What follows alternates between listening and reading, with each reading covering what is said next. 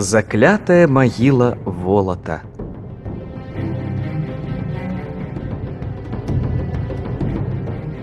У ваколіцах полацка расказвалі, у даўнія часы бесперапынна ішлі войны.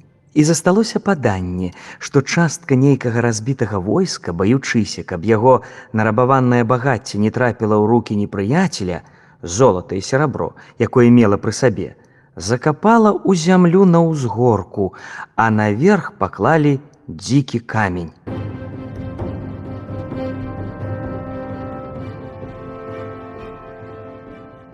Ён павінен быў паказваць тое месца, калі б хто-кольвік з іх вярнуўся, каб адшукаць схаваныя скарбы. Але прайшлі сотні гадоў, а камень ляжаў на тым самым месцы, а пад ім некранутыя скарбы. Слухаючы такія размовы, колькі полацкіх хлопцаў дамовіліся пайсці ноччу на той узгорак, здабыць скарбы і падзяліць між сабой пароўну.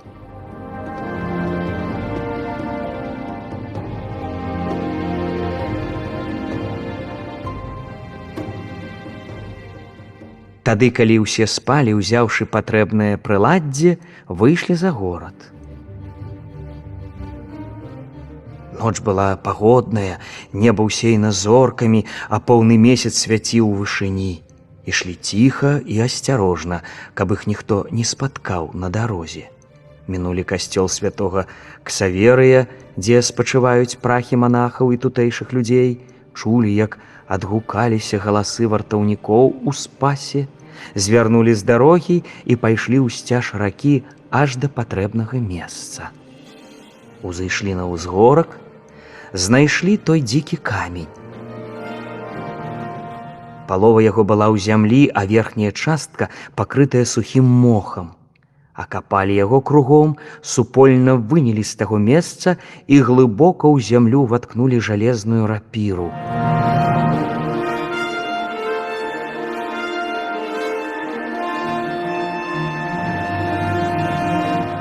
І тады вострым канцом яна упёрлася нібы у нейкую бляху. Тут, напэўна, скарб. І пачалі раскопваць зямлю. Працавалі доўга, часта пробавалі рапірай. Скарб ляжаў неглыбока. Але колькі не капалі, зямля ізноў асыпалася з усіх бакоў і напаўняла яму. Нейкі час стаялі ў здзіўленні, ім здалося, што скарб закляты, засыпаецца пяском і не хоча дацца ему руки. Калі параіліся між сабою, што рабіць далей. На ўсходзе з'явілася чорная хмара, якая закрыла ўсё неба, і месяц схаваўся ў густых аблоках.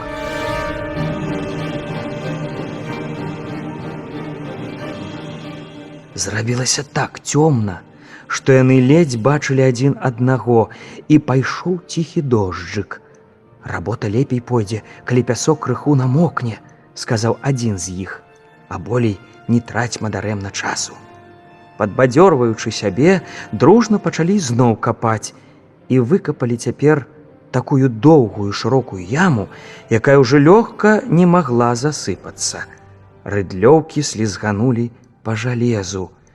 Кацёл, кацёл з грашамі радасна закрычалі яны. Толькі калі акапалі вакол і хацелі падняць зямлі, убачылі, што гэта быў важкі жалезны панцыр. Пакрываў ён грудзі шкілета, у якога пры боку ляжаў меч, а на чэрапе быў жалезны шышак. Сталі яны ў здзіўленні і глядзелі, як недарэчна падманула іх надзея. Тады адзін смялейшы кажа: « Пакінем гэты шкілет, а зброю возьмем сабе. Няхай застанецца яна хоць памяткай аб нашай начной працы. Толькі яны намерыліся так зрабіць, як раптам бліскавіца асвяціла ўзгорак і бачаць, стаіць агромністы асілак у жалезным панцыры і трымае востры меч над іх галовамі.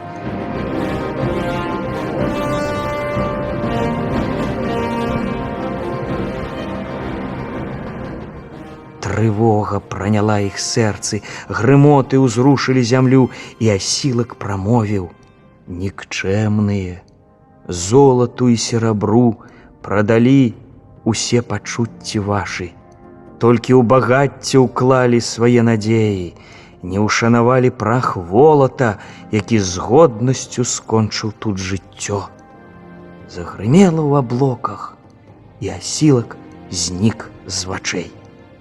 Пры святле бліскавіцы ізноў убачылі перад сабой засыпаную пяском яму, і падалося ім, што на тым месцы зямля не кранута была.